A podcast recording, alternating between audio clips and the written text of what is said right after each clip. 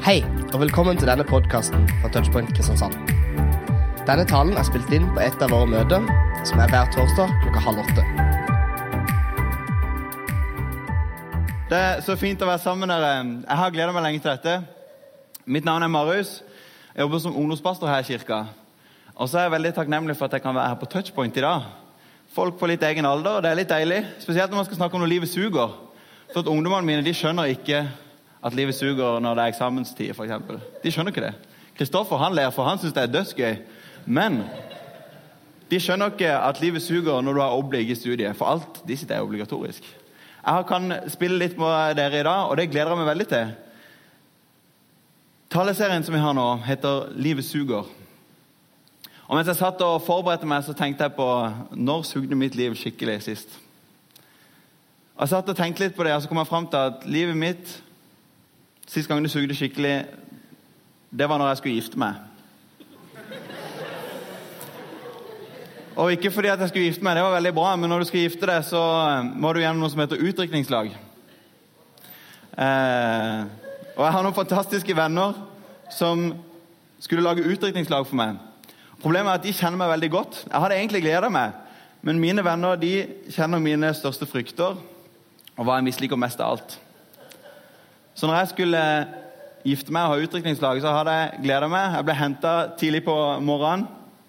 Og så kom jeg gjennom en hel dag med masse sånn utdrikting av forskjellig slag.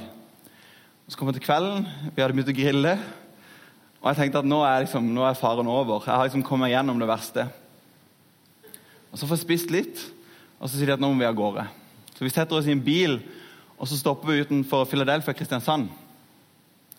Rakk egentlig ikke tenke noe før jeg fikk beskjed om at om 20 minutter, Marius, så skal du holde standup-show på ungdomsmøtet i Philadelphia Kristiansand. Og Da kjente jeg at livet mitt det suger virkelig. For vennene mine vet at det verste jeg vet, det er å stå foran masse folk og så bevisst skulle prøve å være morsom.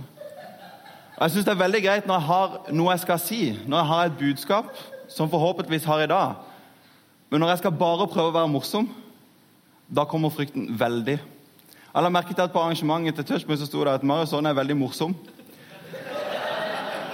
De var ikke og hørte mitt standup-show, det er i hvert fall helt sikkert. For det gikk så utrolig dårlig. Jeg satt der og forberedte meg de sju minuttene hadde prøvd å skrive ned noen historier, noe som kunne slå an. Men det gjorde ikke det. Det slo overhodet ikke an, og det var helt stille. Og etter en historie så presterte jeg til og med å si sånn Dere syns kanskje ikke det var morsomt, men jeg syns det var veldig gøy. Og det var ingen som lo, bortsett fra mine kompiser. De satt på bakerste rad, og de lo før jeg hadde sagt noen ting. Og de visste hvor ille dette kom til å være. Noen ganger så suger livet. Og vi med denne taleserien ønsker å si noe om at livet kan være sånn av og til. Vi ønsker å tale sant om at av og til så er ikke livet akkurat sånn som vi ønsker det skal være. Av og til så går det ikke like knirkefritt som vi skulle ønske. Selv om man tror på Jesus, går det ikke like knirkefritt som man skulle ønske. Og frykt er en av de tingene som spiller inn. Frykt for hva andre vil si, frykt for hva andre tenker, frykt for å være morsom. Og Dagens tema er 'Livet suger når det drives av frykt'. Jeg tar og ber en liten bønn først. Jesus, jeg har lyst til å takke deg for at eh, du er her. Du har lova å være midt iblant oss når vi er samla. Jesus. Jeg takker deg for at det er det som gjør hele forskjellen. Og så har jeg lyst til å be om at vi skal få lov til å høre fra deg. At ditt ord Jesus skal få lov til å lyde klart og tydelig. I ditt navn. Amen. Frykt påvirker oss. Frykt påvirker hva vi tenker om oss sjøl. Det påvirker hvordan vi handler. Det kan hindre hvordan vi handler. Og det påvirker vårt forhold med Gud. Jeg skal begynne med å lese en tekst fra Matteus 25. Og Det kommer en litt lang tekst, så jeg håper dere kan lese sammen med. Matteus 25, vers 14. Den handler noe om dette med frykt. Der står det Det er som en mann som skulle dra utenlands. Han kalte til seg tjenerne sine og overlot dem alt han eide. En ga han fem talenter, en annen ga han to, og en tredje ett talent. Etter hver enkelt hadde til evne. Og så reiste han. Han som hadde fått fem talenter, han gikk straks bort og drev handel med dem, og tjente fem til. Han som hadde fått to talenter, gjorde det samme og tjente to til. Men han som hadde fått én talent, gikk og gravde et hull i jorden og gjemte sin herres penger. Da lang tid var gått, kom tjenerens herre tilbake og ville holde regnskap med dem. Han som hadde fått fem talenter, kom fram, og han sa til sin herre, 'Herre, du ga meg fem talenter. Se, jeg har tjent fem til.' Herren svarte, 'Bra, du gode og tro tjener.' Du har vært tro i lite, og jeg vil sette deg over mye. Kom inn i gleden hos din herre. Også han med to talenter kom fram og sa, 'Herre, du ga meg to talenter, og se, jeg har tjent to til.' Herren han svarte, 'Bra, du gode og tro tjener. Du har vært tro i lite, og jeg vil sette deg over mye.' Kom inn til gleden hos din herre. Så kom også fram han som hadde én talent, og han sa, 'Herre, jeg visste at du var en hard mann.' som høster hvor du ikke har sådd, og sanker hvor du ikke har strødd ut. Derfor ble jeg redd og gikk og gjemte talenten din i jorden. Se, her har du ditt. Men Herren svarte ham, du dårlig og late tjener.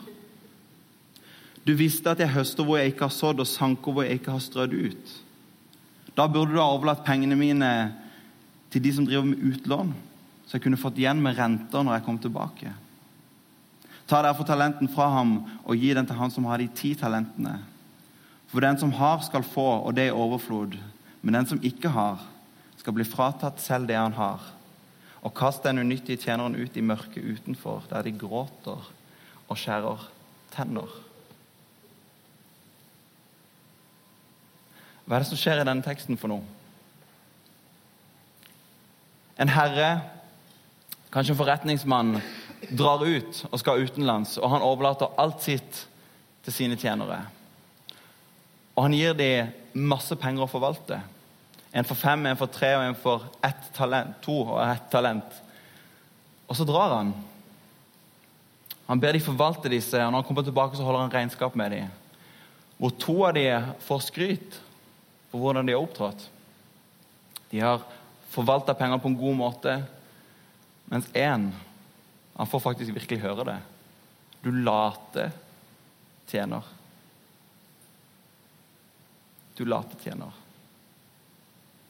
Hva er det denne teksten handler om? Fortellinga sier jo til og med at de tar pengene fra han late og gir det til han rike. Med første øyekast kan det se ut som om Jesus forteller at de rike de skal bli enda rikere, og det er på bekostning av de fattige. Men jeg tror ikke det er det Jesus prøver å si. Det er et eller annet her som er viktig for Jesus. For når Jesus forteller denne talen, denne lignelsen, så står det at han er på Oljeberget utenfor Jerusalem. Det er ikke til lenge til han skal dø på korset. Og så har han samla sine disipler, og så har han noe viktig å lære dem. Og Jeg har lyst til å prøve å få tak på noen av disse tingene. Jeg tror det er tre ting. Tre spørsmål som Jesus stiller oss, som han stiller sine disipler og de som tror på han gjennom denne teksten. Og så utfordrer det litt. Jesus utfordrer jo generelt ganske mye, og så må vi tørre å la oss utfordre den teksten. Og Det første spørsmålet er hva er det du har fått? Hva er det du har fått? Denne teksten er jo kjempetydelig på at Herren betror disse tjenerne ganske mye. Det står om talenter. Når vi tenker talent, så tenker vi ofte liksom evner eller egenskaper. Men talent her er egentlig snakk om penger. Og et talent det er faktisk 6000 dagslønner. Altså Jeg aner ikke hvor mye det blir i norske kroner. Hvis du tenker 1500 en dagslønn ganger 6000. Det er ganske mye penger det er snakk om. Og det er bare én talent. Det norske ordet 'talent' betyr som jeg sa, evner. Eller noe utenom det vanlige som folk har. Og det ordet er faktisk henta herfra. Tro det eller ei.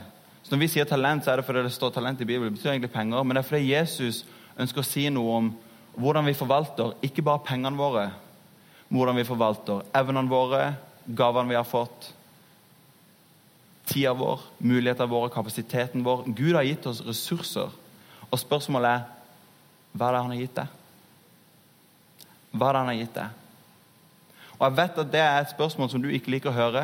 I hvert fall ikke hvis du er fra Sørlandet. for det er, det er verste spørsmålet du kan få på skolen. Jeg vet ikke om dere hadde sånn da dere var små, men skriv noen negative ting om deg sjøl, og så skal du skrive noen positive til slutt. Og det er jo den verste oppgaven for en sørlending.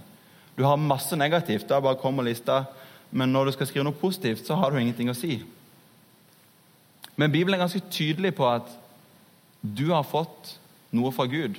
Du har noen ressurser. Om det er gaver, om det er talenter, om det er penger, om det er eiendom, om det er tida di, om det er jobben din. Gud, Gud har betrodd deg noe som jeg ønsker at du skal gjøre noe med. Hva er det du har fått? En annen ting som er interessant her, det er jo at de får forskjellige ting. Det står at én får fem, én får to og én får én. Bibelen er tydelig på at vi har fått noe, men vi har likevel ikke fått det samme. Gjennom Det nye testamentet så, så forteller Jesus om, og Paulus om noe som heter Kristi kropp. Så at hver kristen har fått en helt unik funksjon, en helt unik plass. Vi har forskjellige plasser. Vi har ikke den samme, men alle spiller en helt unik rolle. Hva er det du har fått? Du kan ikke sitte her og si at du ikke har fått noe heller, for du har det. Men noen ganger må vi grave det fram. Og Noen ganger er det akkurat dette med at hva alle andre har fått, som gjør at vi ikke graver fram vårt. Livet suger når vi sammenligner oss med de rundt oss. Jeg skulle gjerne tenkt, og tenkt mange ganger skulle gjerne vært som Roy Elling er, som taler her ofte. Skulle gjerne vært like morsom som Roy Elling. Han har jo alltid en døla bra historie eller en sykt bra vits. Jeg skulle gjerne hatt like mange ideer som Roy Elling. Det kommer jo nye ideer hvert andre sekund. Jeg skulle gjerne vært sånn. Og så kan jeg gjerne tenke at fordi jeg ikke er som Roy Elling, så har ikke jeg fått noe. Men noen ganger er det faktum at vi må ta øynene bort fra hva andre har fått, og se på hva er det vi har fått. Og Jesu utfordring er ganske klar. Hva er det, hva er det du har fått for noe? Hva er, det, hva er det han har betrodd deg, som du skal forvalte? For du har fått noe. Så spørsmålet er hva har du fått? Neste spørsmål er hva gjør du med det? Hva har du fått, og hva gjør du med det? Det som er interessant er at Jesus han er egentlig ikke så opptatt av hvor mye de har fått. Men når han roser sine tjenere, så er det jo for hva de har gjort med det. For dere som er veldig sånn observante lesere, så ser dere at én fikk jo fem, og en fikk to. Og så tjente han fem til, og han andre tjente to til. For dere som er skikkelig skarpe, så har jo han som har fem fra før, han har jo tjent litt mer. Fem er mer enn to. Men likevel får de identisk ros av Jesus. Han sier akkurat det samme. Du er gode og tro tjener. Du har vært tro i lite, jeg vil sette deg over mye. Kom inn i gleden hos din Herre. Han ene tjente mer enn han andre. Men Jesus er ikke så opptatt av hvor mye han har fått. Han er veldig opptatt av hva gjør du med det. Hvordan forvalter du det? Er du tro i den tjenesten som du har? Tør du å bruke det du har fått? Tør du å gjøre noe med det? Det er det som gjør rosen. Ikke nødvendigvis resultatene, men trofastheten, iveren, innsatsen, ønsket om å bruke det en har fått. Så hva gjør du med det? Ofte så er dette også noe som hindrer oss. Livet suger når alle andre får det til utenom oss. Du ser på de andre sine resultater, og så føler du at du får det ikke til sjøl. Men denne teksten gir jo et kjempeløfte om at Gud har noe mer. Han sier jo 'Du har vært tro i lite. Jeg vil sette deg over mye'. Vær tro i den tjenesten du har. Hvis du har en tjeneste, begynn i en tjeneste. Begynn en plass. Begynn å bruke noen av de talentene, noe av tida di, noe av ressursene dine, noe av pengene dine på å tjene Gud. Og Hvis du begynner i det små og tjener trofast, så bare vent og se hva Gud vil gjøre. Jeg tror Gud har så utrolig mye liggende foran. Og det er noe med å ikke se ned på de små begynnelsene. Vet du at Hvis du aldri starter, så vil du aldri fullføre heller. Hvis du aldri starter, så vil du aldri fullføre heller. Og det er noe med det, ikke se ned på den begynnelsen. Når Jesus sier du var tro i lite, jeg vil sette deg på mye. Vær trofast i det du holder på med. Stå i det. Bruk det du har fått. Gjør noe med det. Tør å forvalte. Tør å satse på det. Bruk det. For det er ikke resultatene Jesus er ute etter, men det er din trofasthet. Det er ikke resultatene han måler, men det er din trofasthet. Hva er det du har fått, og hva har du tenkt å gjøre med det? Og Det siste jeg har lyst til å spørre deg om, det er hva er det som driver deg? Hva er det som driver deg? Poenget egentlig i hele denne teksten og hovedtyngden ligger jo på denne siste tjeneren. Som kommer med sitt ene talent tilbake og sier 'Her har du ditt'. Jeg gjemte det i jorda. Og så får han kjeft egentlig fra sin herre. Han sier 'du late tjener'. Han blir til og med kalt unyttig. Kast han vekk. Hva er det som gjør at denne her mannen gjemmer det bort? Jo, han sier at jeg var redd. Frykt. Det sto i teksten 'jeg var redd'. Jeg vet at du er en hard mann. Så jeg gjemte det. Her har du ditt. Livet det suger når det drives av frykt. Denne mannen her han var tydeligvis svært redd for hva sin herre hadde lyst til å si. Han var tydeligvis svært redd for hva skjer om jeg mister det jeg har fått? Hva skjer om jeg satser på det Gud har gitt meg, men taper? Han var livredd. Og så står det at han gjemte det bort. Det var faktisk ikke så uvanlig å gjemme penger i, jorda på den tida. Altså Rabbiner og de jødiske lærerne de, de, lærte faktisk at det var den tryggeste plassen, sikreste plassen å spare penger. Det var i bakken. Men det er akkurat det som er problemet, at istedenfor å forvalte det som Gud har gitt ham, så gjemmer han det bort. Han velger det trygge istedenfor å satse. Og Det var én ting som var sikkert når du la det i bakken, det var at bare du visste hvor det var. Men en annen ting som var sikkert, er at det kommer i hvert fall ikke til å vokse. Du får jo ikke noe mer opp av det jorda etter hvert. Frykten hans sin gjør han helt handlingslamma. Altså, han gjør jo ingenting. Det står til og med i teksten at Herren var borte lang tid. Så han sitter bare der. Han gjemmer det bort og gjør ingenting med det. For frykten hans sin har drevet han til handlingsløshet. Frykten har drevet han til unyttighet. Frykten har gjort noe i han. Frykten hindrer han fra å forvalte det som Gud egentlig hadde gitt han. Jeg må innrømme at eh, jeg har brukt nesten hele dagen i dag på å være redd for hvordan dette skulle gå. Og Jeg kan også mange ganger når jeg skal tale, være fryktelig redd for hva det egentlig Gud vil si. Altså, Gud er så stor, han fortjener all ære. Og så hva om jeg kommer og ødelegger? Ofte så kan frykten være akkurat det som gjør at vi ikke bruker de gavene og talentene vi har fått. At vi ikke bruker de ressursene vi har fått. At vi ikke gjør noe med det. Frykten hindrer oss. Vi graver det ned. Og hva er det som skjer når vi graver ting ned, når vi gjemmer det bort? Det blir fort borte for oss. Vi glemmer det vekk. Vi klarer ikke å hente det opp. Hvis jeg ikke hadde kommet i dag, så var det noen andre som hadde fått muligheten. Det er det samme som skjer med han tjeneren. Han, han gjemmer det bort, og så blir det gitt til noen andre.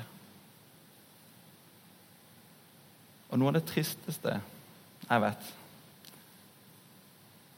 det er når mennesker setter seg på sidelinja sjøl pga. frykt. Frykt for hva andre mennesker vil si. Frykt for hva Gud vil si. Frykt for at du kunne miste alt. Frykt for å ødelegge.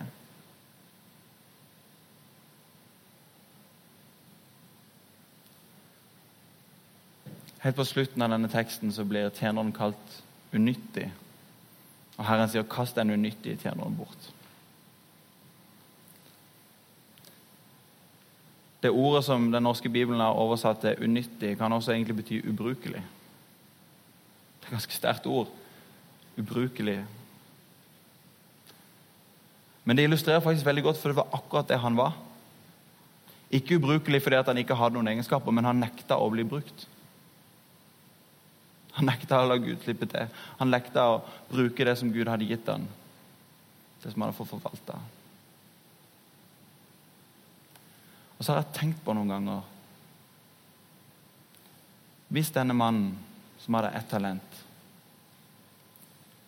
hadde satsa det, men likevel tapt Hva hadde Herren sagt da? Det han var redd for, var at han skulle tape det. Han er livredd for det, så han gjemte det. Men hvis han hadde satsa det, hvis han hadde gjort det og tapt alt, hva hadde Herren sagt da? Sånn som jeg forstår teksten, sånn som jeg opplever Jesus i evangeliet, så tror jeg han hadde sagt du gode og tro tjener. Du har vært tro i lite, jeg vil sette deg over mye. Kom inn til gleden hos din Herre. Du satser det, men hadde tapt alt, da tror jeg likevel at Jesus hadde sagt det. Du gode og tro tjener. Denne frykten han har, måten han gjemmer pengene sier noe om han egentlig tenker om denne Herren. Han sier jo det i teksten sjøl òg. 'Jeg vet at du er en hard mann'. Og frykten for at Gud er hard, er streng, kan kanskje gjøre at vi gjemmer oss innimellom. Men jeg tror hvis vi satser det vi har, og opplever, selv om vi skulle tape det, at Gud står der. Du gode tro til henne. Hvis du sier ikke la frykten for hva andre skulle tenke hindre deg fra å forvalte det som Gud har gitt deg. Ikke la frykten fra hva du tror skulle skje om du taper, hva du tror skulle skje om du skulle ødelegge for Gud. Ikke la det hindre deg fra å gjøre noe i Guds rike. Ikke la frykten hindre deg fra Gud sjøl. Er det ikke det som ofte skjer i livet vårt med Jesus òg? Eller kanskje du sitter her og egentlig aldri har bestemt meg for om du ønsker å tro på Jesus fordi han er jo en hard mann. Gud er jo streng. Gud vet om alle de bommene han har, han kommer til å straffe meg. Sånn som han straffa den tjeneren, han kommer til å sende meg vekk. Han vil ikke ha noe med meg å gjøre. Hva om Gud ikke er en hard mann, men en kjærlig far?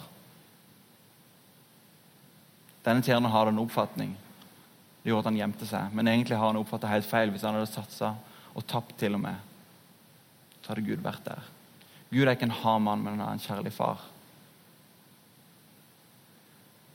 Og Det betyr at hvis du gir livet ditt til han, hvis du gir han alt det du er, dine feil, dine mangler, dine talenter, så vil han forvalte ditt liv som ingen andre. Jeg tror at hvis du gir ditt liv hos Jesus, la han forvalte deg og alt det du har, så er det ingen som vil gjøre ditt liv så rikt. Avslutte med en bønn. Jesus, jeg takker deg for at uh, du er en god far. Jeg takker deg for at du er ikke opptatt av resultatene her, Jesus, men du er opptatt av trofastheten til deg. Vi lar oss lett hindre her av frykten for hva andre skulle si. Livet suger når vi drives av frykt til Jesus. Når vi sammenligner oss med andre. Når vi tenker at jeg skulle vært som han. Når vi tenker at du er en streng, en hard mann. Men ditt ord i Johannes sier at den perfekte kjærligheten driver frykten bort. Når vi får oppleve at du er en kjærlig far, ikke en hard mann, så ber vi om at frykten kan få slippe tak, så vi kan tjene deg, forvalte alt det du har gitt oss. Og mest av alt at vi kan gi deg våre liv, så du kan forvalte det, sånn at det blir mye rikere enn det vi noen gang kunne tro. I Jesu navn. Amen.